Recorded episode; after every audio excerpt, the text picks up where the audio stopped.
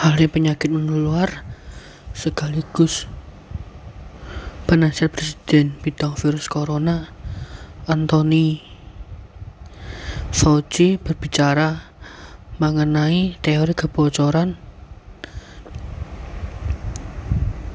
laboratorium dan asal mula virus selama wawancara dengan jurnalis BBC World News Amerika KTK.